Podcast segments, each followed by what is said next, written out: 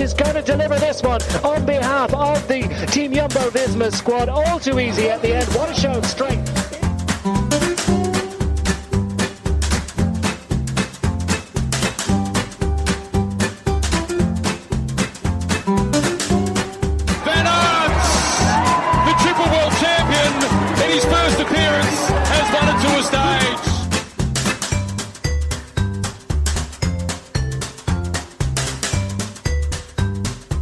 Dit is Noir et Jaune, de tourpodcast van Team Jumbo-Visma supporters. Welkom bij eh, alweer de derde aflevering van deze speciale tourpodcast van Team Jumbo-Visma supporters. Vandaag ben ik met eh, André, een speciale gast, Daan Olivier. Hoe gaat het met je? Ja, het gaat, eh, gaat prima. Ik heb lekker een ja, lange vakantie gehad, die ik eigenlijk in jaren al niet had gehad. En ja, nu weer terug de studiebanken in en weer terug aan het werk. Dus ja, het is wel, het is weer opstarten voor mij. Mis je de koers een beetje? Ehm, ik moet zeggen dat het minder is geworden. Ik heb eh, zeker in de winter en toen het seizoen begon, heb ik het nog wel moeilijk gehad. Maar ik heb nu ook al mijn leven gewoon echt opgebouwd en heb het geaccepteerd dat het niet meer, ja, dat ik geen wielrenner meer ben en dat het, eh, dat het klaar is. Dus ja, ik, heb, ik, ben daar, ik ben daar eigenlijk wel overheen en ik kan er nu ook wel gewoon echt van genieten om er naar te kijken. En dat, eerst had ik het daar wel moeilijker mee en had ik dan ook nog soms wel die gevoelens van ik, had, ik zou er zelf in willen zitten. En dat begint nu wel echt weg te hebben. En ik heb gewoon een nieuwe uitdaging in het leven. En eh, ja, heb een nieuwe passie gevonden. En ja, Te horen. ja. Nou, zullen we beginnen met de etappe van vandaag? Ik vond het verhaal van de dag eigenlijk wel het gevecht om het, om de bolletjesstrouw. Ik moet zeggen, ik heb het, eh, het eerste gedeelte van de, van de koers gemist. Eigenlijk eh, toen dus hoofdzakelijk de spanning eh, er was voor, de, voor wat betreft de, de bergtrui. Ik eh, schakelde in eigenlijk op het moment dat eh Cousin net eh, solo was, om het zo maar te zeggen. Dus eh, Ja, ja, het, het verbaast me eigenlijk dat de, dat de strijd niet groter was. En eh, zoals eh, te horen is geweest voor de luisteraars, had ik eigenlijk gisteren voorspeld dat er een, eh, een grote groep zou gaan, eh, zou- gaan vertrekken. En eh, ja, de, werkelijk verbaasd dat, eh, dat er geen animo voor, voor was ook gewoon. En het was weer een Frans feestje. Ja, nou ja, dat. Maar je verwacht dan toch wel meer Fransen. En zeker met in het achterhoofd houdende dat het zomaar vandaag of morgen gedaan kan zijn met de Tour. Dan zou je zeggen van pak elke kans die je kunt om, om ja, je ploeg te laten zien, je sponsors te laten zien. Maar ook om, om iets te winnen, zou je denken. Was de etappe gewoon niet lastig genoeg daar? ja, kijk, ik heb altijd een beetje het idee dat je tegen beter weten in ervoor gaat rijden. En ik denk dat heel veel ploegen zo denken. Ik denk eigenlijk ook dat er heel veel ploegen vanuit gaan dat ze gewoon drie weken die Tour gaan rijden. En dan zijn het ook een beetje weggegooide krachten om vandaag Ja. als een eh, kip zonder kop ervoor te gaan rijden. Ik begrijp het wel. En je weet, je weet gewoon dat dit een sprint wordt, omdat het een van de weinige sprintkansen in de Tour is.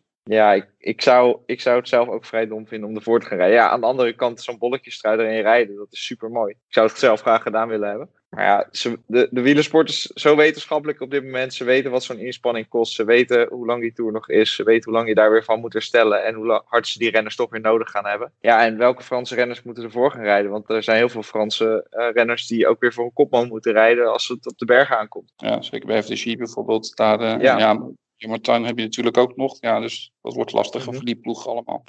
Ja, oké, ja, kan het niet. F, kan het niet doen en eh AGDR kan het ook niet doen. Nee. Dus dan blijft er, ja, dan heb je Kofi dus. Ja, en dan, Ja, en die raken dan net hun, eh, man in de bolletjestrui nog een keertje kwijt vandaag. Op Ja. een eh, echt lullige manier ook. ja, ik las daar iets over, dat hij vrij veel pech... Ik, ik was toen nog, toen nog niet ingeschakeld. Wat ik dus begrepen heb, dat uh, Costa was alsnog weer eh, samen met een ploeggenoot proberen om die laatste punten te pakken. En eh, in de afdaling, eh, schijnbaar of net boven de afdaling, kreeg Perez een, een lekker band. En die is daarna in achtervolging gegaan toen met, een, met de auto voor zich en is blijkbaar op zijn eigen ploegauto ge- geknald. Oh. Dus eh, ja, heel, heel lullig voor hem. Nou ja, uiteindelijk dan eh, toch een, eh, een massasprint met, eh, nou, ik denk ik, een hele sterke sprint voor Ewan. André? Ja, eh, als je ziet waar hij nog vandaan moest komen. Hij had natuurlijk wel het voordeel dat hij. Want het, het schijnt wind op kop te zijn geweest. Dus hij, eh, omdat hij uit het pak kwam, zal hij daar wat voordeel van gehad hebben. Maar eh, als je ziet hoe, hoe hij zich er doorheen manoeuvreert. En, en eh, met wat voor versnelling die nog eh, langs Bennett kwam. eh, niets anders dan een verdiende winnaar, denk ik. Ja, het was echt waanzinnig door wat voor gat hij eh, daarop eh, op denk Ja, dat was echt heel klein. eh. Ja, dat was echt heel klein. En ik denk dat als hij daar een tel later was geweest, dan was die deur dicht geweest. Je moet het zelf maar eens proberen. Ik, Als je daar met 60 per uur aankomt en dan door zo'n gat durft te duiken. En ja, er zo in volle overtuiging doorheen gaat. Ja, dat is ook waarom het een sprinter is. En waarom het zo'n goede sprinter is. Maar ik heb er wel respect voor. Qua Bennett, Bennett iets te vroeg op kop? Ja, je zag ze allemaal heel hard stilvallen die op kop kwamen. Je zag Sagan natuurlijk aangaan. Maar dit is niet meer de Sagan die we een aantal jaar geleden. Of, ja, dat vind ik ook jaar nog minder. gezien heb. Hij straalt wat minder uit. En hij staat denk ik ook iets dikker. Ja, ik denk dat, eh dat Bennett inderdaad te vroeg op kop kwam. Sagan die viel hard stil. Dus was gewoon zwaar. Ja, En was- ja, het voordeel als je zo ver van achter komt, je wordt inderdaad, wat, eh, wat André ook zegt, je wordt in een slipstream meegenomen. Ja. En je laveert, ja, als je hem er dan goed tussendoor kan laveren, dan, eh, ja, dan, dan heb je een groot voordeel. Ik denk ook dat wel het voordeel is voor, eh voor Ewan eh, dat hij gewoon, hij is niet heel groot, hij is niet heel breed. En volgens mij is hij ook vrij flexibel als je hem zo bezig ziet op zijn fiets. Dus hij, ja, die kleine gaatjes die er zijn, als je het een beetje durft, dan ja, heeft hij er geweldige bouwen voor om, om dat te kunnen, te kunnen doen. Ja, de- zeker. De mannen van Jumbo-Visma bleven vandaag eigenlijk, eh, ja, hebben het eigenlijk best wel veilig eh, gehouden. Ik geloof, ja, alleen jammer dat eh, Wout dan nog valt in, de- in die finale. Maar zou die daar meegespeeld erg. hebben, denk je? Nou, ik denk niet dat ze, dat ze meegesprint zouden hebben voor, eh, voor Wout. Ik denk dat daar ook weer de, dat een echte massasprint voor Wout misschien niet echt iets is. Aankomen in een kleinere groep met een licht oplopende finishlijn, dan, eh, dat zou hem denk ik meer liggen. Maar eh, ja, hij viel natuurlijk vlak eh, eigenlijk in de finale. En wat, ik, wat ik begreep van een aantal Twitter-volgers is dat hij vlak daarna met... Rustig babbelend met Tony Martin in, de, in de staart van het peloton gesignaleerd is. Dus als het goed is, is het zonder erg allemaal. Ja, hij kwam wel op een paar minuten later binnen hoor. Ja, Ah, nou ja, we- voor, voor, zij, voor hem maakt, maakt die paar minuten tijdsverlies natuurlijk niks uit. Dus Nee, het is alleen maar beter. Hij moet gewoon buiten de gevarenzone blijven. En in de finale ook zoveel mogelijk eh, energie besparen als je niet voor een overwinning rijdt. Of eh, dat hij zijn werk gedaan heeft. En hij zal morgen wel weer eh, flink aan de bak moeten. Zeker met die Arkonsberg. Ja, eh, inderdaad, dan maar de etappe van morgen al van eerst. En ik zag is- trouwens nog wel, als ik even in Ja. mag. Ik geloof dat Tom Dumoulin toch een aantal plekjes in het, kla- in het klassement gestegen is. Ik weet niet wie er tussenuit zijn gevallen of dat dat misschien nog eh, gecorrigeerd gaat worden. Maar hij is van plek 11 naar plek 7 gegaan. Zo, ik zag inderdaad, eh, hij is wat eh, gestegen in het klassement en eh eh, Roglic is weer wat, wat plekken kwijtgeraakt. Maar ja, dat is allemaal nog op, op, op dezelfde Ja. afstand, allemaal op 17 seconden. Dus ja, is ook meer voor de... Gaat gewoon op klassering dan. Dus dan eh, Ja. ja. hoeveel eh, daguitslagen dat eh, bij elkaar. En dan ik denk niet dat er echt veel tussenuit gevallen is vandaag. Is het, eh, is het jullie trouwens nog opgevallen dat elleboogje wat, eh, wat Bennett maakte toen eh Ewan eh, voorbij kwam? Ja, die, die maakte inderdaad nog wel een beweging waarvan ik dacht van nou... Ja, dat, eh, dat zou wel eens. eh, ja, het heeft nu natuurlijk geen, eh, geen gevolgen. Maar als dat wel zou zijn, dan, dan zou dat natuurlijk wel een, een dingetje zijn waarvan je. Ja, als het straks een zaak zou mogen worden voor, eh, voor Dylan Groenewegen, dat je dan jurisprudentie of in ieder geval vergelijkingsmateriaal hebt om, eh, om te kunnen wijzen van ja, kijk, daar gebeurt het ook. Maar zo gebeuren veel meer hè, in sprints. Ja, er was vandaag was ook in, eh, in een andere koers iemand in de hekken gereden. Dat gebeurt vaker, alleen het is voor, voor Dylan is het natuurlijk een extreem vervelende samenloop van omstandigheden geweest. En de gevolgen zijn gewoon, ja, die zijn zo groot inderdaad dat. Ja, Ken het is, het is juridisch gezien denk ik heel lastig. Ja. Ken jij die aankomst in Polen? Ja, ik heb hem ook een keer gereden. Het is echt gekke werk. En toen eh, zeiden we ook al met z'n allen van dit staat helemaal nergens. Omdat je, je rijdt dus in de laatste 400 meter, of in de laatste kilometer rij je eerst een stuk omhoog. Dan heb je de U-bocht en dan finish je, eh, dan heb je die finishberg af. Ja, dat was levensgevaarlijk. Eh, Al dat stuk omhoog trek je eigenlijk je volle sprint om goed gepositioneerd te zitten.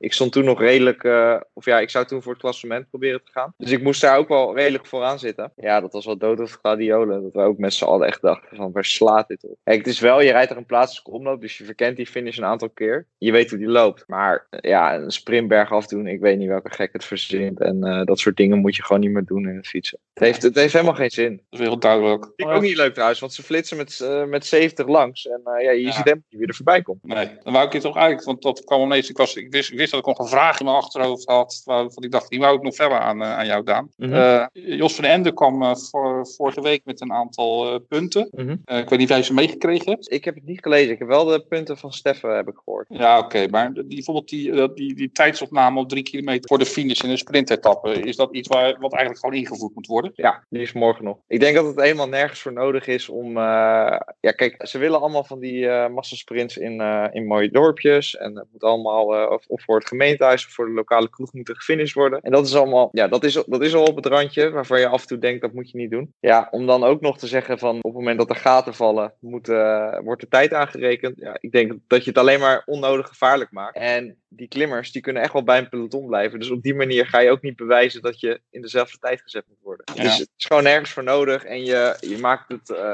je maakt het gewoon veiliger. De, sprinters kunnen hun eigen ding doen. De klimmers die kunnen hun eigen ding doen. En ja, ik zie geen enkele reden waarom je het anders zou moeten doen. Ja. Voor het publiek wordt het ook minder leuk. Misschien zelfs leuker. Ja, het is, eh, het is, nergens, het is op deze manier nergens voor nodig. Maar hier pleiten we, hier werd al, 2013 werd hier al voor gepleit. En het is nooit veranderd. Dus ik vraag me af of dat nu wel gaat veranderen. Het is wel, ja, je ziet vaak dat er een, eh, er is een goed ongeluk nodig om veranderingen te bewerkstelligen. Helaas werkt de mensheid zo. Dus ik hoop dat het nu, eh, ja, dat nu de urgentie wel gewekt. Ja. Ik denk voor wat betreft wat je zegt ook eh, de aantrekkelijkheid voor, of de overzichtelijkheid voor het publiek aan de kant is het denk ik wel ook beter als klassementsploegen er zich er niet meer in mengen in die laatste paar kilometer. Dat de neutrale toeschouwer gewoon langs de kant veel duidelijker de treintjes kan zien, de strijd kan zien voor de finish. Ja. Het wordt wel overzichtelijker op die manier. Ja, ik denk dat het, eh, ik denk dat het op zo'n manier veel beter is. En ja, er is geen enkele reden waarom je, eh, waarom je een finish, of waarom je de tijd eh, niet op drie kilometer van de finish stil kan zetten. Echt, ik, ik, kan, ik kan niks bedenken. Ja, dan moet de klimmer bewijzen dat hij ook met 80 door een bocht durft te rijden. Of dat hij ook eh, kan positioneren. Ja, Ja. Nou, dan eh, de etappe van morgen. Op papier lijkt hij niet eens zo heel erg, heel erg lastig nog. Ik, ik, ken die, ja, ik, heb, ik ken die klim zelf niet. Ik weet niet of hij eens, heeft hij al eens een keer eerder ergens in een eh, koers gezeten? ik zou je heel eerlijk zeggen dat ik niet weet op welke klim hij morgen finish. Heb je een naam? Eh, ja, Orsiers Merlet staat hier, staat hier. Mijn Frans is niet heel denderend, maar Nee, ik ken hem ook niet, eerlijk gezegd. Mij, mij zegt het ook helemaal niks. Maar ik hoorde eh, Stef Clement zeggen dat hij eh, om en nabij de 7 kilometer lang is. die klopt. Ja. Een stijgingspercentage is me, is me ontschoten, moet ik je Rond zeggen. de Maar 6,7% gemiddeld. ik denk niet dat het, eh, dat het heel grote verschillen in het klassement gaat opleveren. Of althans niet voor wat betreft de toppers. Ik denk zelfs dat eh, zowel, de, als je het hebt over gedoodverfde favorieten, dat zowel Ineos, Grenadiers als, als ons eigen Jumbo-Visma er wel blij mee zouden zijn als, eh als Alaphilippe gewoon het geel gaat houden. Dat denk ik ook. Ja, of dat misschien gewoon een kopgroep weggaat en dat hij hier wegblijft. Ja, ja dat- dat, zou- dat zou zomaar kunnen. Ik denk dat ze van inderdaad, we- zoals gezegd, Jumbo-Visma en, en Ineos Grenadiers eh,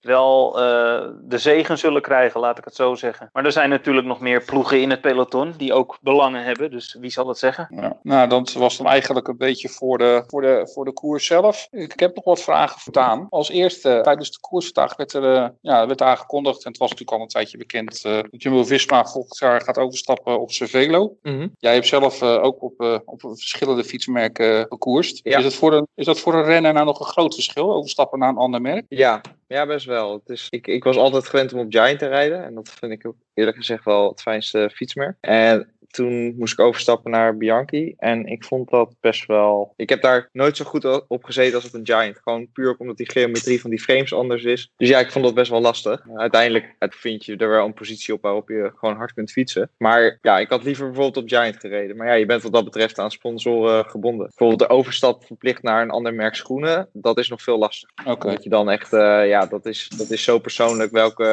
ja, welke schoenvorm je past. En dat is met fietsen natuurlijk. Je kunt heel veel, je kunt heel veel aanpassen eh, qua afstanden en, eh, en korte stuurbocht, dat soort dingen. Ehm, maar ja, het is, het is wel eh, het is een overstap. Maar ik denk, ik denk niet dat het een slechte overstap is. Nou, ik hoor eigenlijk wel goede dingen over Cervelo. Ja, het zijn echt goede fietsen. Ze zijn ook best wel innovatief. En Bianchi zijn ook topfietsen hoor. Maar ik denk toch dat, daar, dat zij iets minder innoveren dan een Cervelo.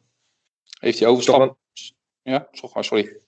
Nou, het is toch een wat traditioneler merk. En eh, dat zag je ook vroeger dan met die tijdritfiets. Het heeft heel lang geduurd voordat ze die tijdritfiets gingen verbeteren. En waarbij de vorige tijdritfiets, als je aanzet, het achterwiel gewoon aanliep. En nu hebben ze een hele goede tijdritfiets, maar er vindt er ook niet meer zo heel veel innovatie plaats. Ja, dus ik denk wel dat dat een van de redenen kan zijn. Omdat Jumbo wel bekend staat als een ploeg die hard wil innoveren. Verder nog, het zal verder geen geldkwestie zijn, denk je? Mm, nou, ik weet niet hoe groot het budget van een Cervelo is. Maar volgens mij stopte Bianchi er ook wel vrij veel geld op. Dus ik denk echt dat het wel een sportieve, een sportieve kwestie is. Maar weten we, weten we zeker dat, we, dat deze switch door, eh, door Jumbo-Visma is geïnitieerd? Zou het niet zo kunnen zijn dat Bianchi zoiets... eh, want wat ik begreep is dat zij ook een, een, een sponsorbudget zeg maar, eh, ter beschikking hadden voor de ploeg. Ik- Italië is natuurlijk heel hard geraakt door de coronacrisis. Mhm. En daarmee denk ik ook Bianchi. Zou het niet zo kunnen zijn dat zij zelf de keuze hebben gemaakt om, om ja, de World Tour vaarwel te willen zeggen? Nee, want Ik denk volgens mij dat- gaan ze naar een andere ploeg. Ik denk dat fietsmerken het niet zo lastig hebben in de coronacrisis. Als je kijkt hoe, eh, hoe populair het wielrennen de afgelopen maanden is geworden. Eh, veel thuiswerkers die er toch uit willen.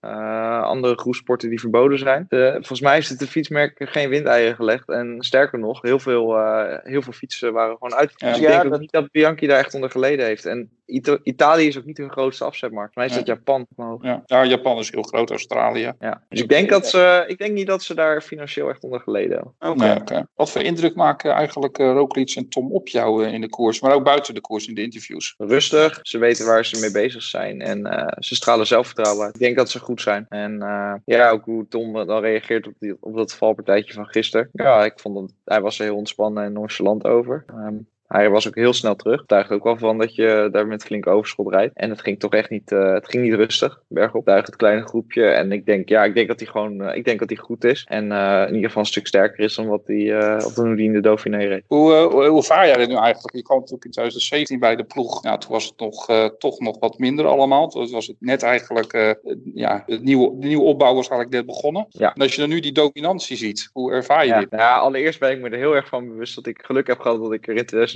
bij kon komen. En want als ik nu dat plan van die comeback had gehad, dan was ik nooit meer, had ik nooit meer terug kunnen komen bij Jumbo. Uh, want daar zijn ze nu gewoon veel te goed voor. Um, ja, wat uh, die dominantie. Ik denk dat er toen in, uh, in de winter, of ja, in de winter van 2016 is er een weg ingezet waarmee eigenlijk, ja, dus waarmee de ploeg zich groot moest hervormen. En werd de blanco koers ingezet. Ja, en eigenlijk met die visie waar iedereen achter is gaan staan, is die ploeg stap voor stap beter geworden. En vanaf 2018 is dat heel snel gegaan. Ja, wonnen ze, wonnen ze vele ritten in de Tour. Met Dylan natuurlijk. Primus die grote stappen maakte. Ja, en dat, dat, dat ze nu zo dominant zijn. Kijk, uiteindelijk, als je zulke goede uitslagen rijdt als ploeg, met renners die je zelf opleidt, dan kun je ook de beste renners naar je ploeg gaan halen. Omdat andere renners ook zien dat, dat die ploeg deugt. Heb jij wel, dus heb dat... jij, in jouw tijd uh, bij de ploeg, heb jij, had je contact met uh, Primos? Ja, ja, ik vond het een aardige kerel. Hij was heel rustig. Uh, wist heel goed waar hij mee bezig was, maar je kon er ook echt mee lachen. En ja, heel vriendelijk. En hij, kon, hij kan enorm goed uh, mensen motiveren. Dat is wat je ziet, uh, het beeld wat heel veel mensen van hem hebben buiten de koers. In interviews, ja, elke keer hetzelfde, nogal saai.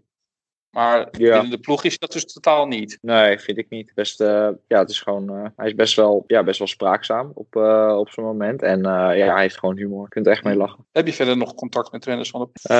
Ja, ik spreek Taco nogal veel. Dat is zo altijd een, altijd een goede vriend van me geweest. En voor de rest heb ik eigenlijk niet heel veel contact meer. Taco die staat op het punt waarschijnlijk om de ploeg te verlaten. Ja, Is dat voor, ja, is voor hem best wel, denk ik, heel, heel moeilijk dit. nou ja, het is, het is natuurlijk nooit wat je wil als renner. Hij is daar twee jaar geleden heen gegaan met het, eh, met het idee door te groeien. En eh, ja, en daarvoor een langere tijd te rijden. En dan is dit, dus dit natuurlijk heel vervelend. En ook die coronacrisis maakt het niet makkelijker voor hem. Hij heeft natuurlijk heel weinig kansen gehad om zichzelf eh, echt te bewijzen. Ja.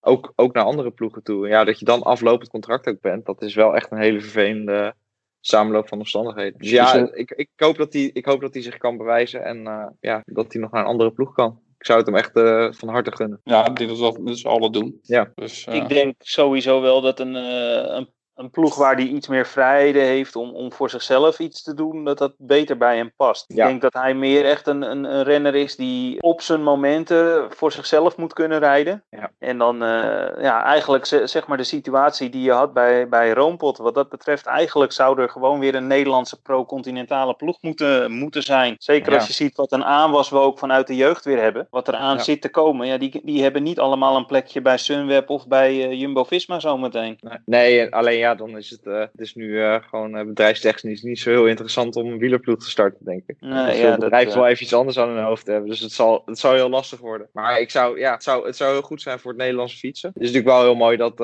dat Jumbo met die opleidingsploeg is gestart. En dat wel eigenlijk het oude Rabobank model weer een beetje hersteld is. En dat er nog een vrouwenploeg bij komt. Ja, en dan hopen dat inderdaad volgend jaar de economie weer wat aantrekt. En dat er misschien ja, toch weer een pro-continentale ploeg als, als tussenstap nog kan komen. Tussen het continentale en eh, de World Tour. Nou, dan eh, heb ik eigenlijk niet, eh, niet zo heel veel meer. Eh, André, wil jij nog, heb jij nog wat?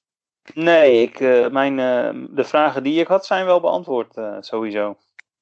Nou, we gaan, eh, we gaan Daan sowieso nog wel een paar keer, eh, paar keer horen in deze podcast. Eh, zeker in de weekenden, rond de weekenden, waar er wat, toch wat lastige etappen staan, eh, zal Daan zeker nog bezig zijn. Ik wil jullie beiden hartstikke bedanken voor vandaag. En eh, we zien elkaar binnenkort weer. Is goed? Yes, fijne, fijne avond avond. nog, heer. Fijne avond allemaal. Ja.